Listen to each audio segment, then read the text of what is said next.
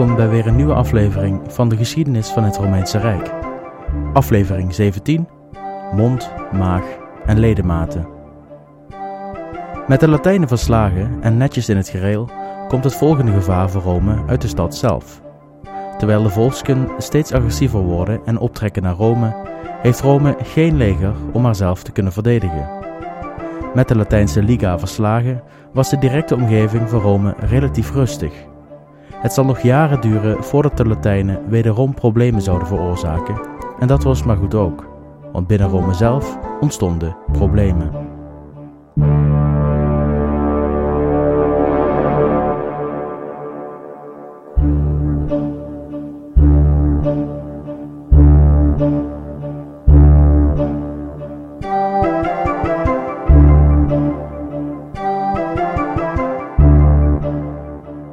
Het jaar is 495 voor Christus. De oorlog met de Latijnen was gewonnen en Latium was weer de relatief rustige achtertuin van Rome geworden. Maar zoals dat in de Romeinse geschiedenis nog vaak zal voorkomen, wanneer de Romeinen de problemen buiten Rome hadden getackeld, begonnen de problemen binnen Rome. Ditmaal ontstonden er problemen tussen de verschillende klassen binnen Rome. Ik heb verteld dat Rome door een van de eerste koningen werd opgedeeld tussen patriciërs en plebeiers. De patriciërs waren in eerste instantie de eerste leden van de Senaat en hun afstammelingen, maar ook belangrijke families die later toegevoegd zijn aan Rome konden worden aangemerkt als patriciër, als je maar voldoende geld, macht en een goede afkomst had. Met een goede afkomst bedoel ik uiteraard dat je als Romein moest afstammen van de eerste patriciërs, ook wel de patres of vaders genoemd maar ook niet-Romeinen konden patriciër worden. Denk aan belangrijke families die uit omringende steden naar Rome migreerden om als Romein verder door het leven te gaan. Belangrijke buitenlandse families die naar Rome verhuisden, kregen een eigen naam en groep. Neem bijvoorbeeld de man van de vorige aflevering, Appius Claudius, die van de Sabijnen naar Rome verhuisde. Zijn gevolg kreeg de naam Gens Claudius. Gens kan worden vertaald naar huizen, clan of groep. Ondanks dat hij niet afstamde van de eerste patres, kon ook zijn familie zich patriciër noemen.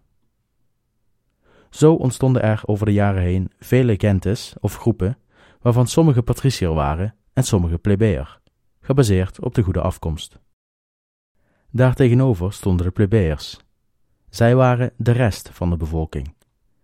Iedereen die niet afstamde van de patres of van een van de belangrijke gentes, waren plebeiers de titels waren dus puur gebaseerd op het geboorterecht. Al voor het jaartal 495 voor Christus waren er spanningen tussen de plebeiers en patriciërs. Zoals ik in een van de vorige afleveringen heb uitgelegd, was het kiesstelsel van de republiek, de Comitia Centuriata, zo ingericht dat alle macht bij de patriciërs lag. Dit was uiteraard tegen het cerebeen van de plebeiers, omdat er nu eenmaal veel meer plebeiers waren in Rome dan patriciërs. Daarnaast waren de patriciërs al puissant veel rijker dan de plebeiers, en dan hadden ze ook nog eens alle wetgevende, bestuurlijke en religieuze macht. In de vroege republiek waren alle bestuurlijke lichamen en hoge functies alleen toegankelijk voor de patriciërs. Consul worden alleen als je patriciër bent. In zetel in de senaat ben je plebeier, helaas. In functie in een van de tempels, helaas alleen voor patriciërs. Dienen in het leger? Prima, maar veel meer dan de rang van centurion zat er niet in. De hoge functies waren namelijk alleen voor patriciërs. Niet geheel onvoorstelbaar waren de plebeiers niet blij met het feit dat er wel over hun werd beslist, maar niet met hen. Daarbij kwam ook nog eens kijken dat veel plebeiers schulden moesten maken om de belasting te kunnen betalen die zij kregen opgelegd bij de census. En zoals al eerder verteld, je kon er maar beter voor zorgen dat je meteen je belastingen betaalde, anders had je een heel groot probleem. Deze zaken waren de oorsprong van het conflict van deze aflevering. Een conflict dat de patriciërs veel hoofdpijn heeft bezorgd en wat uiteindelijk ervoor zorgde dat de plebeiers inspraak kregen in het bestuurlijke systeem van Rome. Het begon allemaal net na de overwinning van Rome in Latium. Ten tijde van de regeerperiode van de dictator kwam er een bericht binnen dat de Volsken, een volk dat woonde in het uiterste zuiden van Latium, de Latijnen wilden helpen in een poging de Romeinen te verslaan. De volksken hadden troepen verzameld die naar Latium zouden marcheren om daar de reeds samengevoegde legers van de Latijnse Liga en Tarquinius te versterken. Omdat de dictator vreesde dat de samengevoegde legers van de Latijnen en de volksken te sterk zouden zijn voor de Romeinen, versnelde hij een veldtocht. En nog voordat de volksken hun intentie hadden kunnen waarmaken, was de slag bij het meer van Regulus al voorbij. Om de volksken toch in les te leren, trok het Romeinse leger onder aanvoering van de dictator na deze veldslag direct door naar het land van de volksken. Eenmaal hier bleek volgens Livius de machtsvertoning van de Romeinen voldoende om de volksken af te schrikken.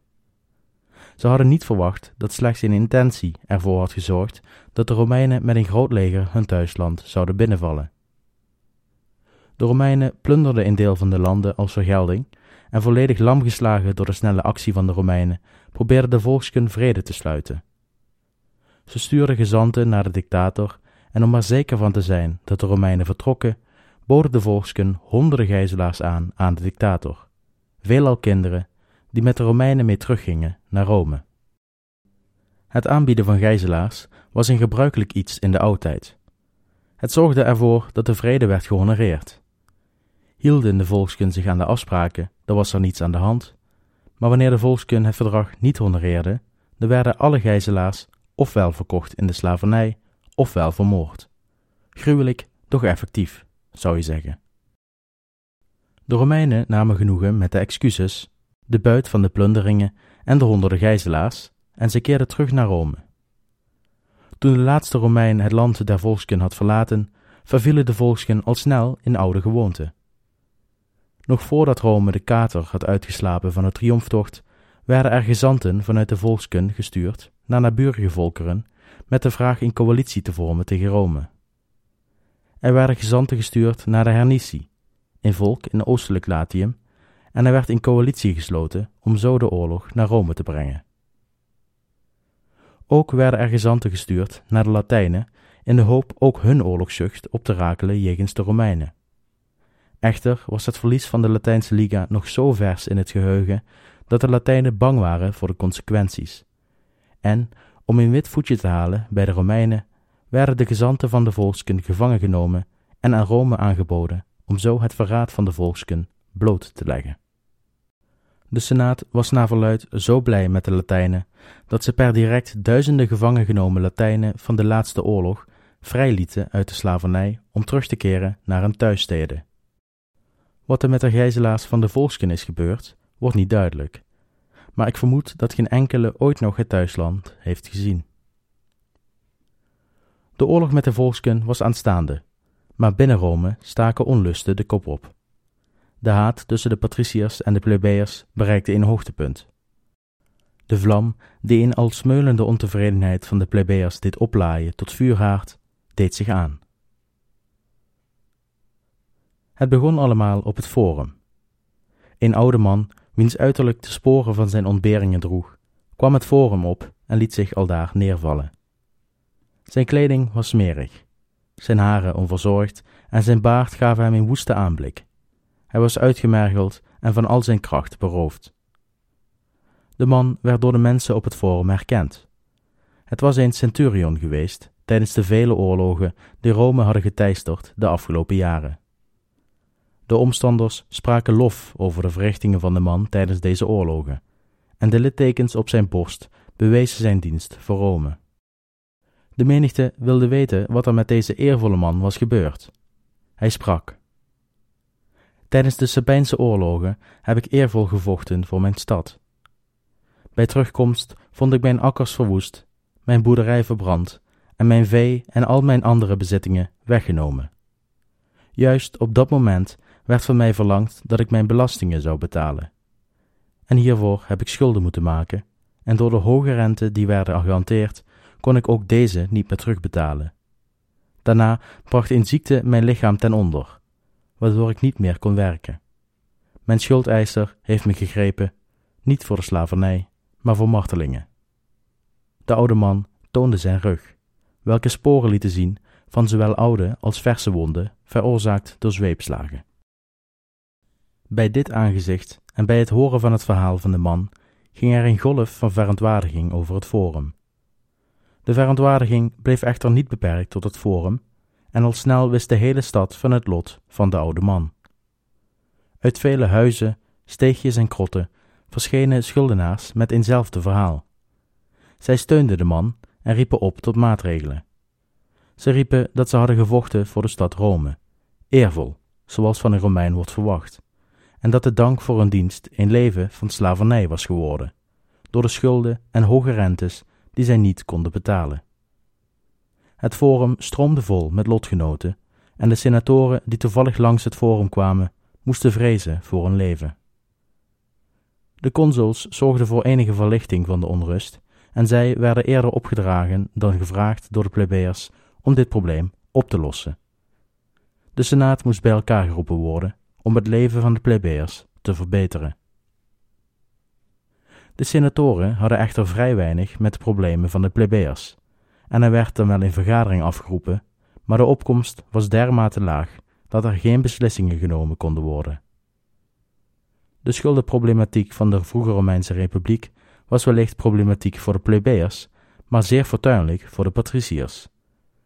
Het was namelijk in de vroege republiek zo dat het leger voor het overgrote deel bestond uit gewone burgers, die naast hun dienstplicht gewoon boer of ambachtslieden waren. Echter, wanneer een oproep kwam van de Senaat om de wapens op te pakken, lieten zij huis en haard achter om te vechten voor de stad. Terwijl alle mannen, welke normaal op het land konden werken, weg waren op campagnes, konden zij niet werken op hun akkers. Dit had als gevolg dat bijvoorbeeld de oogst mislukte. Tevens waren de boerderijen niet meer beschermd tegen rovers uit naburige landen. Veelal werden vee, oogst of andere bezittingen gestolen, of in het geval van de oude man werd de boerderij afgebrand. Omdat de soldaten betaald kregen uit de oorlogsbuit, was het maar de vraag of er genoeg buit was om de periode van huis te kunnen opvangen. En u raadt het al, vaak was dat niet het geval. Daarom ontstonden er bij thuiskomst vaak grote problemen om rond te kunnen komen en werden er schulden gemaakt om te kunnen overleven. Deze leningen werden dan weer verstrekt door de patriciërs. En, zoals goed gebruik was in Rome, konden deze geldschieters een rente vragen die zo hoog waren als ze maar wilden. En wanneer je niet meer kon betalen, dan bepaalde het gebruik dat je al je bezittingen, grond, akkers, vee, kinderen en vrouw moest afstaan aan de schuldeiser. Als je dan nog niet je schuld had afbetaald, werd je geacht in dienst van je schuldeiser te werken.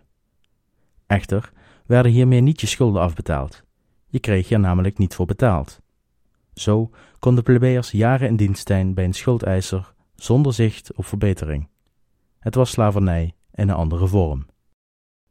Terug naar het verhaal. Het feit dat de senatoren niet opkwamen dagen, maakte de plebeiers uiteraard woedend. De menigte kon nog maar net in controle gehouden worden, maar men stond op het punt de senaat en alles daarbinnen te vernietigen. De onrusten drongen door tot de woningen van de senatoren. Zij begonnen zich af te vragen wat gevaarlijker was: of thuisblijven uit angst voor de plebeiers, of naar het senaatsgebouw gaan met het risico daar vermoord te worden. Uiteindelijk kwam de Senaat dan toch voltallig bij elkaar om de problemen te bespreken. Tijdens deze vergadering was er oneenigheid tussen de twee consuls. De ene consul, Appius Claudius, was van de harde lijn. Hij wilde de plebeiers met harde hand neerslaan. De andere consul, Servilius, wilde een iets wat genuanceerdere weg bewandelen. Terwijl de mannen in conclaaf waren, braken aanstormende ruiters de concentratie. Er was nieuws uit Latium. Een slagvaardig leger van de volksken was onderweg naar Rome om de stad te bestormen. Dit nieuws maakte de besplijting in de burgerij het best zichtbaar. Waar de senatoren verbijsterd waren, brak er onder de plebeiers gejuich uit. De plebeiers riepen: De goden komen ons te hulp tegen de arrogantie van de patriciërs. Onder de plebeiers werd de afspraak gemaakt dat niemand zich zou melden voor het leger. Het was beter dat ze allemaal zouden omkomen dan alleen maar plebeiers. De patriciërs moesten maar dienst nemen in het leger. Zij moesten maar deelnemen aan de oorlog. dan was het tenminste zo dat zij, die profijt hadden van de oorlog, ook de beproevingen ervan zouden ondergaan. Zo jubelend als de sfeer was bij de plebeiers, zo droevig en bezorgd was die bij de Senaat. Ze smeekte consul Servilius, die beter bij het volk lag, om de plebeiers te overtuigen in dienst te gaan om Rome te redden. De consul ging naar het forum en hij sprak de plebeiers aan. Hij zei dat het lot van de plebeiers wel degelijk aan de harten ging van de senatoren, maar dat tijdens de beraadslagingen over deze problematiek een nog groter probleem zich voordeed. Een probleem dat de directe aandacht van de Senaat en ieder burger van Rome vereiste. Een gevaar voor de hele staat. Nu de vijand bijna voor de poorten van Rome stond, moest de oorlog voor alles gaan. De eer van de plebeiers was in het geding, als zij niet ten strijde zouden trekken tegen de vijand zonder vooraf beloond te worden. En de eer van de senatoren zou in het geding zijn, als zij over een dermate delicate zaak zouden beslissen uit wanhoop dan uit vrije wil. Aan zijn woorden voegde de consul nog een belofte toe. Hij beloofde dat een Romein in gijzeling om zijn schulden zijn rechten als burger behield. Daarnaast beloofde hij dat niemand van een soldaat, zolang deze van huis was, zijn eigendommen mocht verkopen of in bezit nemen, of zijn kinderen of kleinkinderen mocht lastigvallen. Deze beloftes waren voor het moment genoeg voor de schuldenaars. En massaal spoedden zich uit de hele stad plebeiers naar het forum om een naam op te geven voor de dienst. Het leger was weer op oorlogsterkte, en met de soldaten in haar rangen, gemotiveerd door een nieuw verworven rechten, verlieten ze Rome om kamp op te zetten net buiten de stad. De oorlog met de volksken was van korte duur. Ze hadden in een nacht geprobeerd het kamp van de Romeinen binnen te komen, maar waren ontdekt geworden door de wachters. Het alarm werd geslagen en de soldaten verjaagden de indringers. De dag erna belegerde de volksken het kamp, maar consul Servilius motiveerde zijn soldaten door zo lang mogelijk te wachten met het teken aan te vallen. En, toen de woede van de soldaten op het punt stond om over te koken, gaf hij dan eindelijk het bevel. De furieuze aanval van de Romeinen brak de volksken al tijdens het eerste gevecht. De infanterie probeerde zoveel mogelijk volksken te doden in een vlucht, waarna de cavalerie het overnam en het restant uitschakelde. De volksken die wisten te vluchten naar de stad Pometia, werden door Servilius en zijn leger achtervolgd. De stad werd belegerd en viel, waarna de volksken wederom vrede sloten met de Romeinen. Een klein deel van het Volskische deel van Latium werd afgestaan aan de Romeinen. De stad werd geplunderd en de buit ging niet naar de staat, maar naar de soldaten, om zo hun schuld enigszins te kunnen verlichten. Direct hierna kwam het nieuws dat de Sabijnen Romeins land waren binnengevallen. Deze invasie was echter kleinschalig en kon snel worden opgeveegd door het Romeinse leger. Naar verluid was het Sabijnse leger terechtgekomen bij een wijnboerderij en waren de vaten uitgedeeld in het kamp om er een leuke avond van te maken. Toen de Romeinen het kamp aanvielen, waren de Sabijnen niet eens in staat te vluchten en werden ze allemaal ofwel gedood ofwel gevangen genomen. Deze kleinschalige oorlog was binnen één nacht beslist. Direct hierna ontving de consul bericht van de Auruntiërs, een volk dat net buiten Latium leefde, grenzend aan het Volkische deel van Latium. De recente veroveringen van Rome hadden hen bang gemaakt dat de Romeinen van plan waren hun landen te veroveren. Ze stuurden een gezant naar de consul met het bericht de landen terug te geven aan de volksken of anders. De legers van de Auruntiërs waren reeds vertrokken uit hun land op weg naar de Latijnse stad Aricia. Er was daarom geen tijd meer om het voorstel fatsoenlijk te laten behandelen door de Senaat, behalve dan het voorstel direct te laten accepteren. Dit waren de Romeinen uiteraard niet van plan, en de verbazing van het voorstel en het enthousiasme dat was ontstaan door de reeds gewonnen oorlogen, liet de consul zijn troepen opstellen om te marcheren. De Romeinen kwamen net op tijd aan bij Aricia om een plundering van de stad te voorkomen. In één gevecht werden de Arunciërs verslagen. Zo keerde de consul als overwinnaar terug naar Rome. Eenmaal terug in Rome verwachten de soldaten, die in een paar dagen verschillende oorlogen hadden gewonnen, dat de consul zijn woord hield. Echter was de andere consul, Appius Claudius, in Rome bezig om de positie van zijn collega te ondermijnen. Tijdens rechtszaken strafte hij schuldenaren zo hard als de wet hem toeliet, en hij werkte samen met de schuldeisers om ervoor te zorgen dat het systeem in stand bleef. De plebeiers verzamelden zich rond Servilius en herinnerden hem aan zijn belofte. Hij moest zijn beloftes waarmaken, en wanneer dat enige tijd kostte, moest hij in de tussentijd zijn volk en zijn soldaten beschermen van dit onrecht. De consul sympathiseerde met de plebeiers, maar zijn macht binnen de senaat was gering. De senaat was overwegend op de hand van Appius Claudius. Het gevaar voor een directe opstand was immers geweken en ze verdienden toch wel lekker aan al die schulden. Servilius kon de senaat niet overtuigen zijn wetten aan te nemen. Omdat hij een middenweg had gekozen en deze nu niet kon waarmaken, was hij uit de gratie gevallen bij zowel de plebeiers als de patriciërs. De senaat zag hem als een consul slechts handelend uit populariteitsoverwegingen. De plebeiers zagen hem als vals. Hij werd nu net zo gehaat door de plebeiers als Appius Claudius. Hierna namen de plebeiers een andere modus operandi aan. Ze konden duidelijk niet rekenen op steun van de consuls of van de senaat, en dus zouden ze het heft in eigen handen nemen. Waar de plebeiers de consuls en de senaat tegen konden werken, deden ze dat. Er werden geheime ontmoetingen georganiseerd in verschillende wijken. Deze groepen bepaalden het beleid van de opstand en de plebeiers luisterden meer naar deze geheime leiders dan naar de senaat zelf. De plebeiers werden ook steeds agressiever. Tijdens rechtszaken van schuldenaars, die altijd op het forum plaatsvonden, verzamelde zich iedere keer een grote groep plebeiers om de verdachte heen. Zij scandeerden leuzen tegen de senaat en de rechtsprekende consul en maakten zoveel kabaal dat wanneer de consul de straf uitriep, niemand hem kon horen. In plaats dat de schuldenaars voor hun vrijheid moesten vrezen, moesten nu de schuldeisers oppassen voor hun veiligheid. Voor de ogen van de Senaat werden de schuldeisers ruw aangepakt door de menigte. Het liep de spuigaten uit. Binnen de Senaat bestond oneenigheid. Appius Claudius gaf zijn collega Servilius de schuld van dit alles. Hij zou op de hand zijn van de plebeiers.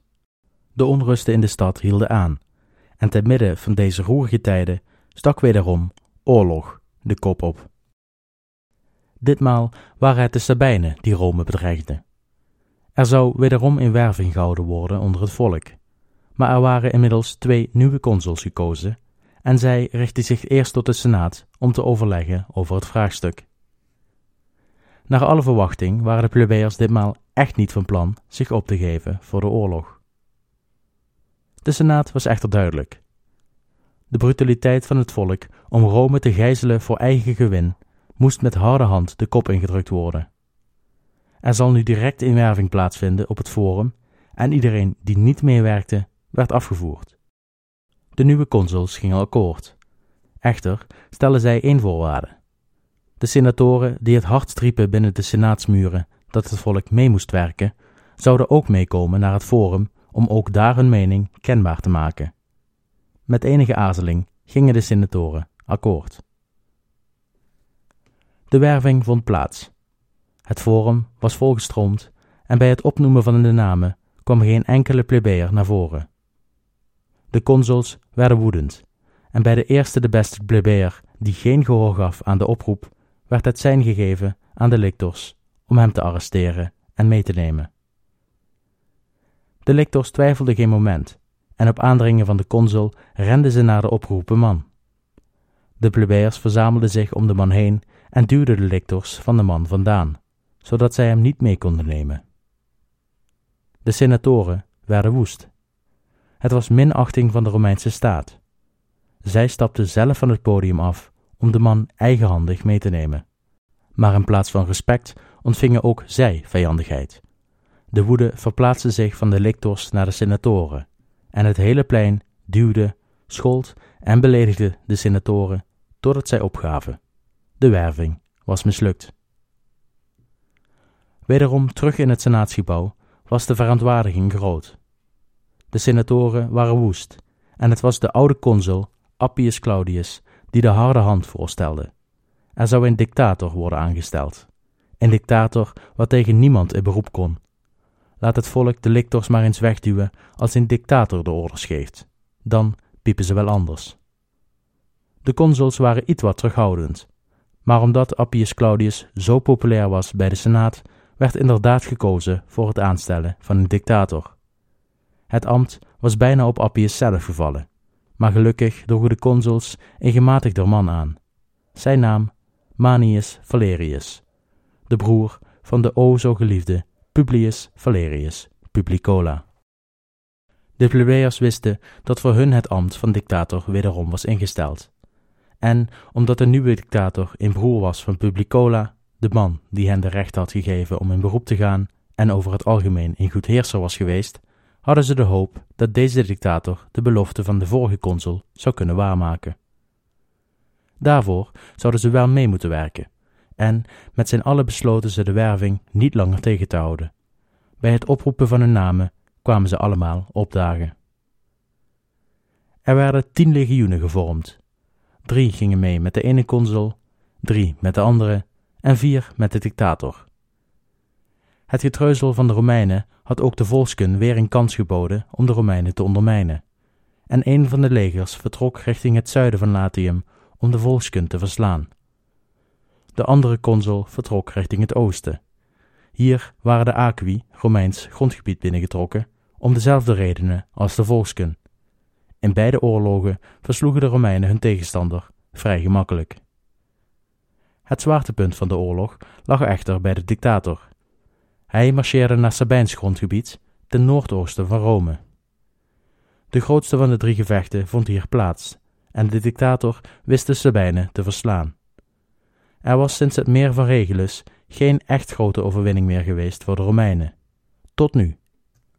De oorlog werd beslist in het voordeel van de Romeinen en de dictator keerde terug naar Rome in triomftocht. Eenmaal terug in Rome bleef het vraagstuk van de binnenlandse problematiek bestaan. In de tijd dat de dictator van huis was en de schuldenaars met hem meevochten in de oorlog, hadden de schuldeisers er alles aan gedaan om ervoor te zorgen dat de situatie bleef zoals die was.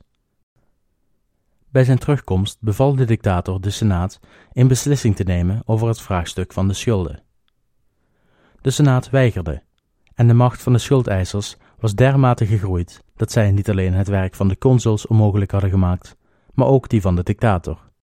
De dictator had zijn neus vol van de Senaat, en hij sprak: Ik val niet in de smaak bij u, omdat ik tevreden voorsta.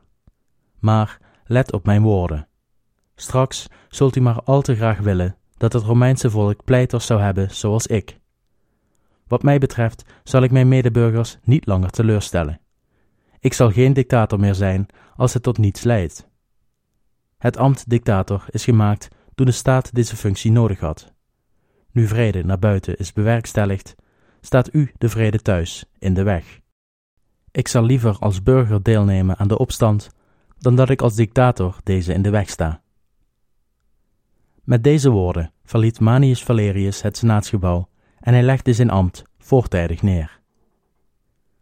De plebeiers zagen dat hij zijn ambt neerlegde uit verontwaardiging over hun lot, en alsof hij de belofte van de vorige consul had waargemaakt, werd hij als held onthaald door de plebeiers op het forum, en onder luid gejuich werd hij geëscorteerd naar zijn huis. De senaat werd ongerust dat na het ontslag van de dictator de geheime ontmoetingen weer plaats zouden gaan vinden in de wijken. En men bedacht in list om de soldaten niet te ontslaan uit hun krijgseed. Ze hadden namelijk niet hun eed afgelegd voor de dictator, maar aan de consuls, en dus bleef de eed in stand. Onder het valse voorwendsel van een oorlog tegen de Aquen werd het bevel aan de plebeiers gegeven te verzamelen om ten strijde te trekken. Maar er was één plebeier welke een ander idee had. Een zekere Sinicius haalde de soldaten over om het bevel van de consuls naast hun neer te leggen, en in plaats daarvan te marcheren naar de Mons Sacer, of Heilige Berg. Hier zetten de mannen een kamp op, met gracht en muur en alle faciliteiten van een oorlogskamp. Ze leefden van het land eromheen met alleen de uiterste basisbehoeften. Hier verbleven ze enkele dagen. In Rome was de stad half leeg. De mannelijke plebeiers waren vertrokken, De winkels bleven dicht, de akkers werden niet bewerkt, het leven in de stad kwam stil te staan. De economie stond stil, Rome lag stil. Enorme paniek brak uit in de stad. Beide partijen waren bang voor elkaar, en dat bracht een algemene spanning teweeg. De plebeiers die door hun eigen mensen in de stad waren achtergelaten, vreesden vergeldingsdaden van de Senaat. De senatoren vreesden het volk dat in de stad gebleven was. Hoe lang zouden van huis weggelopen bendes zich rustig houden? Wat zou er gebeuren als er intussen een oorlog met het buitenland uitbrak? De enige hoop die hun restte was zonder twijfel gelegen in de harmonie onder de burgers. Die moest, goedschiks of kwaadschiks, worden hersteld. De Senaat besloot een woordvoerder naar de groep soldaten te sturen. Zijn naam was Agrippa Menenius, een welbespraakt man. Hij was eerder consul geweest en lag goed bij de plebeiers. Hij was het die in plaats van grote en zware woorden slechts de volgende anekdote sprak. Het was de anekdote van de maag, mond en ledematen. Hij sprak: Er was eens een tijd waarin de ledematen van een mens niet, zoals nu, eensgezind waren, maar elk afzonderlijk van elkaar hun eigen beslissingen namen en hun eigen stem hadden. Toen begonnen de overige lichaamsdelen zich te ergeren. Zij zorgden en zwoegden en slaafden om alles voor de maag bij elkaar te zoeken, terwijl de maag zelf daar maar in het midden zat en niets anders deed dan zich te voldoen aan de heerlijkheden die hem werden verschaft. Daarom smeden ze een complot. De handen zouden het voedsel niet meer naar de mond brengen, de mond zou niet aannemen wat hem was gegeven, en de tanden zouden niets vermalen wat zij ontvingen. Maar toen ze in hun boosheid de maag door honger wilden temmen, raakte ook de ledematen zelf en het hele lichaam volledig uitgeteerd. Daardoor werd het hun duidelijk dat de dienst die de maag verrichtte ook niet mis was, en dat hij niet alleen voedsel ontving, maar ook verschafte, door naar elk lichaamsdeel datgene te zenden waardoor wij leven en sterk zijn, gelijkelijk verdeeld over de aderen en verrijkt met het verteerde voedsel, het bloed. Met deze vergelijking toonde hij aan hoe de tweedracht tussen de ledematen leek op de woede van de plebeiers tegen de senatoren, en zo wist hij de gemoederen te bedaren. Direct hierna gingen beide partijen met elkaar in overleg. Het verhaal van Menenius had het gewenste resultaat, en de senaat en de plebeiers kwamen nader tot elkaar. De senaat zwichtte voor de wens van de plebeiers om zeggenschap te hebben in een functie als magistraat. Dit leidde ertoe dat een nieuwe functie werd gecreëerd: de functie van tribunus plebis of volkstribuun. De functie werd bekleed door twee mannen, net zoals de consuls. En deze mannen werden gekozen door de plebeiers zelf. De functies stonden alleen open voor plebeiers. Patriciërs konden het ambt niet vervullen. De volkstribuun was een defensieve functie. In eerste instantie hield de functie alleen de macht om individuele plebeiers van hun schulden te ontslaan. Maar later vervult de volkstribuun een belangrijke rol als contragewicht van de consuls. Ze kregen later nog de mogelijkheid om wetsvoorstellen van consuls te vetuwen, als deze wetten slecht waren voor de plebeiers. De enige besluiten die zij niet konden vetuwen, waren die van de dictator en de censors, de personen die de census uitvoerden. Wat ook niet onbelangrijk is, is dat de volkstribuun onschendbaar was, zowel juridisch als praktisch. Ze waren sacrosanct. Ze konden niet vervolgd worden voor hun veto's of andere beslissingen. En wanneer iemand de volkstribuun probeerde aan te vallen of te vermoorden, dan mocht de gehele plebejse bevolking diegene ofwel verbannen ofwel vermoorden, zonder dat zij hiervoor vervolgd zouden worden. Het was dus een vrij sterke positie voor de plebeiers. Zoals ik zei, zijn er nu nog twee volkstribunen, maar later worden dit er tien, en dit zal voor de gehele tijd van de republiek zo blijven. Ook zal de volksvergadering later in het leven geroepen worden. Dit was een vergadering vergelijkbaar met de Comitia Centuriata. Alleen werd de bevolking niet opgedeeld in klassen naar etniciteit en rijkdom, maar naar groepen gebaseerd op wijken. Het leek daarom meer op de eerste vorm van de comitia, de comitia curiata, ingevoerd door Romulus. Deze volksvergadering was echter alleen voor plebeiers. Patriciërs namen er geen deel aan. De Volkstribuun mocht deze volksvergadering bij elkaar roepen en zij konden zelf wetten aannemen. Deze wetten golden echter alleen voor de plebeiers. Voor nu wil ik het er voor deze week even bij laten. Ik wil jullie bedanken voor het geduld dat jullie hebben op moeten brengen de afgelopen twee weken. Ik heb vorige week helaas geen aflevering kunnen opnemen omdat ik ziek was. Dit is nog steeds een beetje te horen in mijn stem. Ik hoop dat het niet storend is geweest, deze aflevering. Daarnaast wil ik nog melden dat de podcast het heel goed doet. Inmiddels is de podcast bijna 10.000 keer beluisterd, en dit had ik zeker niet verwacht op zo'n korte periode. De podcast staat inmiddels ook in het uitgelicht lijstje van Apple Podcasts en ik wil jullie dan ook nogmaals vragen de podcast te beoordelen in de App Store, Spotify of waar vandaan je ook luistert. Hoe meer beoordelingen, hoe beter. Bezoek voor meer informatie de website De geschiedenis van het Romeinse Rijk.blogspot.com of de Facebookpagina, links staan in de beschrijving. Voor nu wederom bedankt voor het luisteren. Tot de volgende keer wanneer de problemen rond de plebeiers nog niet helemaal zijn verholpen en we kennis maken met onder andere de bullebak van de Vroege Republiek, Coriolanus.